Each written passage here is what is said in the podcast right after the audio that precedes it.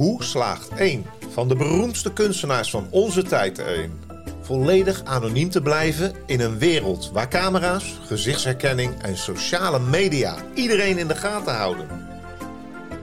Waarom is deze mysterieuze straatartiest wereldwijd bekend, terwijl niemand hem ooit gezien heeft? Dit is Kunstmafia, een podcast over roof, vervalsing en zwendel in de internationale kunst- en antiekwereld met Rick Bouwman en Robert Tettero. Deze keer zaak 28. Wie is Banksy? Rick, dat was een vraag. Wie is Banksy? Wie is Banksy? Robert. Nou, voor een deel zouden we dat best kunnen beantwoorden, denk ik. Banksy is namelijk een Britse straatskunstenaar, afkomstig uit het Engelse Bristol. In zijn vroegere jaren, Robert, gebruikte hij een arsenaal aan pseudoniemen, zoals Banks, Banks en uiteindelijk Banksy. Allemaal afgeleid van zijn eerste graffiti-schuilnaam Robin Banks. Ja, Rick. Dus dat was Banks met een X, Banks met een Z en nou, veel varianten. Maar Robin Banks, is dat geen bijzondere naam? Ja, dat klinkt wel bijzonder. Bankroven. Hij is dus niet echt een echte naam. Ja, die gebruikte hij ook nog. Hij is in ieder geval beroemd vanwege zijn satirische stijl en zijn vermogen om maatschappelijke en politieke onderwerpen in zijn kunst aan de kaak te stellen. Ja, dat klopt. Banksy heeft wereldwijd de aandacht getrokken door zijn straatkunst met boodschappen over oorlog, kapitalisme, hypocrisie en de mensheid in het algemeen.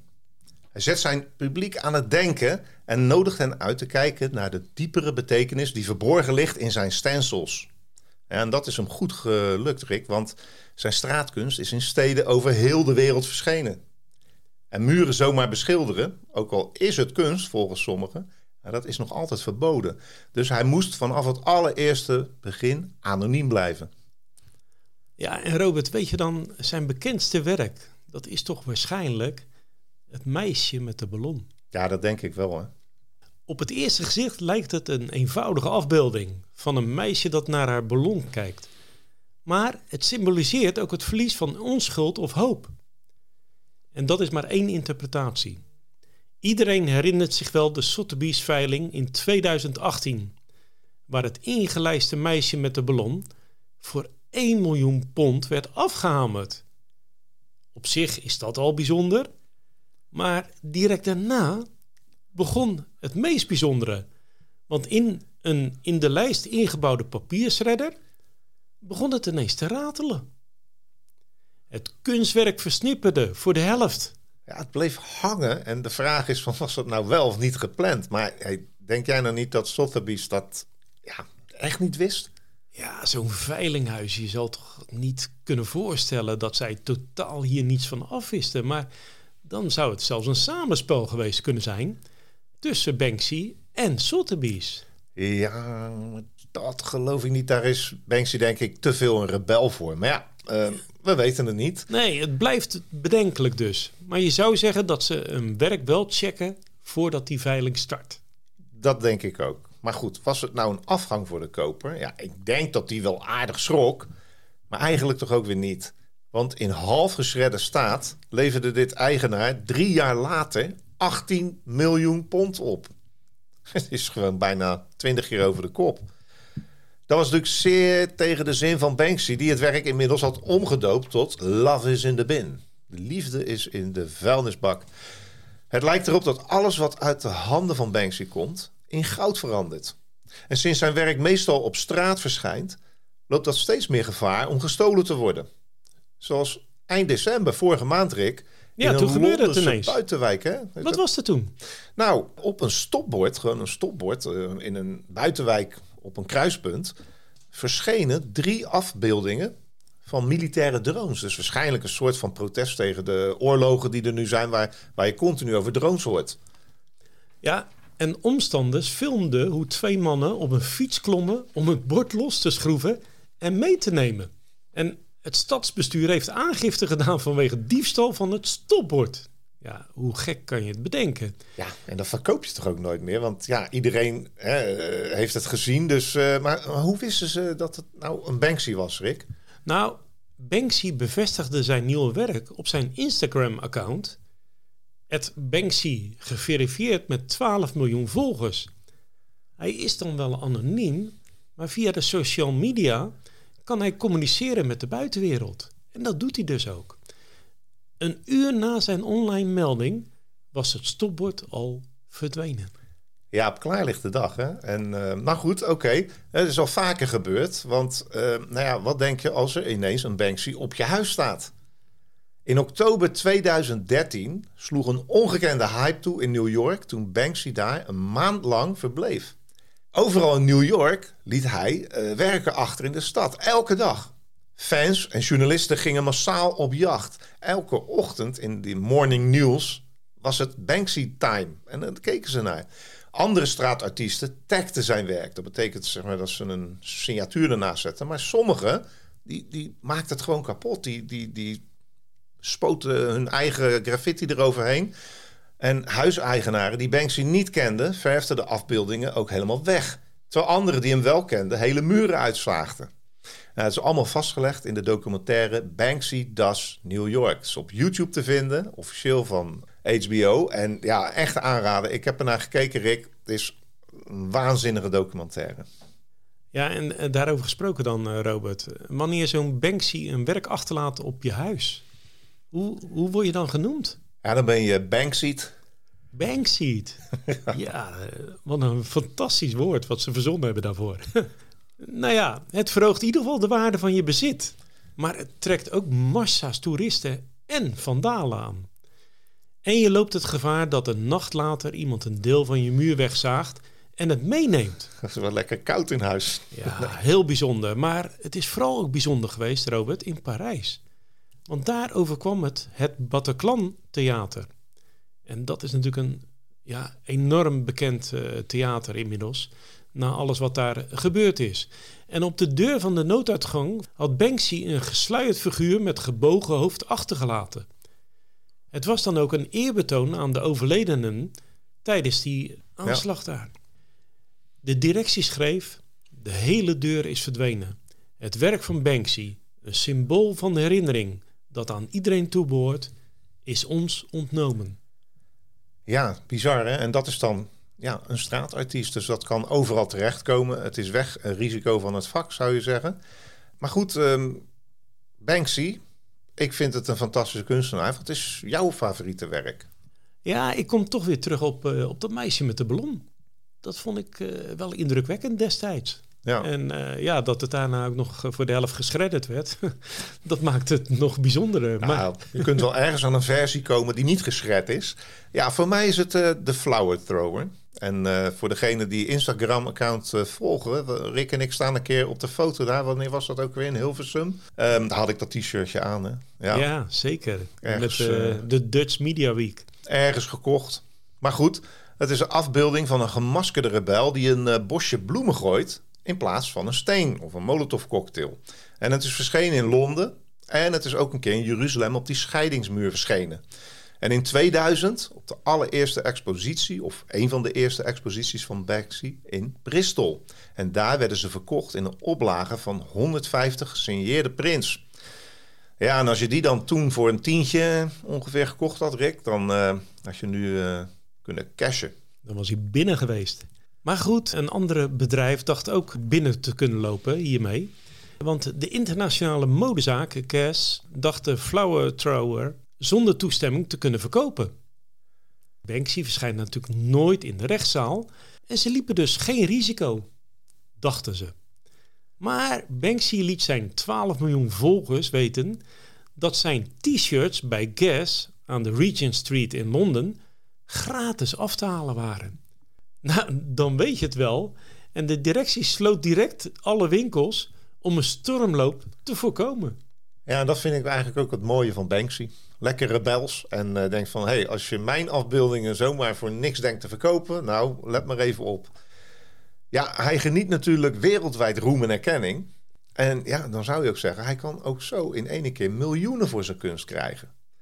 Zijn identiteit houdt hij echter nog altijd geheim. En dat is toch een beetje een, een mirakel in deze tijd. Hè? Het heeft een, een mythische status opgeleverd inmiddels. En in zijn biografie via Instagram staat een website-link cutandrun.co.uk. En daar ben ik eens wezen kijken. En wat vond ik daar? Een rat met een Stanley mes, als je die dus volgt. En nou ja, dat verwijst natuurlijk een beetje naar de stencils die hij uitsnijdt. Uh, en daar dan met een spuitboos snel uh, iets op kalkt op de muur en dat hij dan weg kan rennen. Wat mag je nog meer doen op die website? Je mag een suggestie inleveren voor een specifieke locatie waar jij een Banksy zou willen hebben. Nou, eh, ik heb mijn adres alvast opgegeven, want dat zou mooi zijn natuurlijk. Maar ik denk niet dat hij daarvoor komt. Onderaan de pagina kun je klikken op Legal Stuff. En dan kom je nog een stap dichterbij. Ja, dus dat uh, Cut and Run Productions vertegenwoordigen Banksy en claimen copyrights op zijn werk. Daar staat onder andere: Banksy heeft er geen bezwaar tegen dat mensen zijn kunst gebruiken voor hun eigen persoonlijke vermaak. Maar gebruik het niet voor winstbejag of om de indruk te wekken dat hij iets onderschrijft wat hij niet heeft gedaan. We kunnen dus zonder problemen een paar besproken werken van Banksy op onze kunstmafia IG plaatsen. Kan, ga ik doen. Dus uh, Instagram kan geplaatst worden. De officiële vertegenwoordiging van Banksy kun je vinden op pestcontroloffice.com. Je kunt daar niet terecht om je woonkamer te laten beschilderen. Maar als je toegang hebt tot een beveiligde locatie, ja, dan maakt Banksy daar graag gebruik van. Het is maar, Robert, dat je het weet. Ja, ik denk dat dat wel mooi natuurlijk. Dat staat daar gewoon en dan kun je je natuurlijk op... Ja, als je natuurlijk toegang hebt tot, uh, ik noem maar wat, de, de Euromast. Ja, misschien dat hij dan zegt, dat is een mooie plek om een keer langs te komen. Maar goed, ja, die hele geheimzinnigheid rondom Banksy... die leidt al jaren tot speculaties en uh, hele wilde theorieën. En de zoektocht naar zijn ware identiteit is bijna net zo boeiend als zijn kunst zelf. Dus ja, wie is Banksy? Nou, een van de meest genoemde personen is Robin Cunningham. Zoals eerder gezegd, Banksy noemde zich ooit Robin van Robin Banks. En Cunningham is ook een graffiti-artiest die opgroeide in Bristol. Die vonden ze in 2008, en dat was de Daily Mail, of de Mail on Sunday. En die maakte een foto van Cunningham die aan het paintbrushen was in Jamaica. Onlangs beweerden wetenschappers van de Queen Mary University dat ze met een wiskundig model en geografische profilering, nou, uh, mooie woorden allemaal, een verband ontdekten tussen de locaties van Banksy's werken in Bristol en de woonadressen van Cunningham. Zou hij het zijn? Maar Robert, een andere veelgenoemde kandidaat is de muzikant Robert Del Naya, lid van de trip-hop band Massive Attack. Volgens mij vind jij dat nog een goede band ook. Ja, ik ben daar fan. Ik ben vier jaar geleden geweest op de ASAF in uh, Amsterdam. Waar speelden zij. En, uh, en ook een groot fan van Portishead. Uh, ja, trip-hop bands. Kijk eens aan. Maar deze theorie werd populair toen bleek dat Banksy's kunstwerken gelijktijdig verschenen in steden waar Massive Attack concerten gaf. Delnaya, ook activist en kunstenaar, liet in zijn jeugd veel graffiti achter in zijn geboortestad. Raad eens waar. Inderdaad, Bristol. Hij heeft deze beweringen echter herhaaldelijk ontkend. Ja, en dan is er nog een andere boeiende mogelijkheid. En dat is dat Banksy helemaal niet bestaat als individu. Maar ja, zeg maar een soort collectief van kunstenaars is. Hè? Dus misschien wel die Robert Denalia en uh, Robert Cunningham. Dus ik weet niet of ze allemaal Robert heten. Ik heet ook Robert. Uh, ik ben het niet. Deze theorie wordt gevoed door uitspraken van mensen rondom de kunstenaar. Het idee van een collectief zou de enorme omvang van Banksy's werk en de snelheid waarmee het soms verschijnt kunnen verklaren. Ja, Robert. En dan is er ook nog Steve Lazarides, Banksy's voormalige agent en fotograaf. Lazarides heeft een cruciale rol gespeeld in de carrière van Banksy met de briljante promotie van zijn werk en zijn nauwe betrokkenheid bij veel van Banksy's projecten. Maar ook hij ontkent dit resoluut. Er is dan ook geen concreet bewijs dat hij Banksy is. Bovendien is er nog nooit iemand op heterdaad betrapt tijdens het maken van de vaak illegale kunstwerken. Ja, dat is alweer ook een raadsel op zich, hè, dat dat nooit gebeurd is. En ja, wie googelt op Banksy en wie is Banksy, die vindt wel 10, 15 namen. Dit is een greep eruit, maar dat is echt heel veel. Banksy zelf heeft er ook wat over gezegd op de QA van zijn officiële website bij de vraag. Dus als jij die vraag zou stellen. Ik geloof dat ik erachter ben gekomen wie Banksy werkelijk is. Dan geeft hij als antwoord: geweldig. Banksy stelt alle suggesties enorm op prijs, want hij worstelt momenteel ook zelf met die vraag. Schrijf existentiële crisis in de kop van de e-mail en laat het ons weten. Ja, mooi hè. Eh, het blijft een eh, vaag gebeuren wie nou echt Banksy is.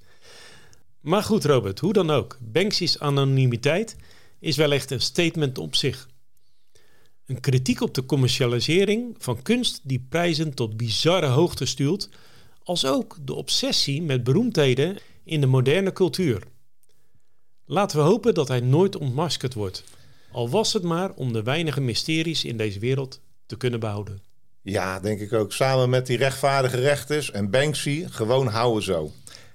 Rick, ik heb nog een kleine verrassing. Ik heb een e-mail gestuurd naar Banksy, of in ieder geval zijn management, uh, op Pest Control. Wauw. Er staat een e-mailadres. Ik denk, waarom niet? Dus uh, de Art Mops, nee hoor, gewoon kunstmafia heb ik het genoemd, uh, een vraag gesteld van, is er ooit in Nederland een gebouw Banksy? Oftewel, is er ooit een Banksy verschenen op een Nederlands gebouw? En er was wel een aanwijzing, hè? Ja, volgens mij in Amsterdam een keer, hè? Dat is, uh, alleen ja, in Nederland wordt veel gerestaureerd. Ja. en dat uh, is volgens mij met dit gebouw ook gebeurd. Ja, in 2016, uh, al dus een paar berichten die je kon vinden, is er op de Universiteit van Amsterdam, ja, niet die Banksy verschenen, maar is eigenlijk verdwenen. Want tijdens restauratiewerkzaamheden werd hij weggepoetst, zeg maar.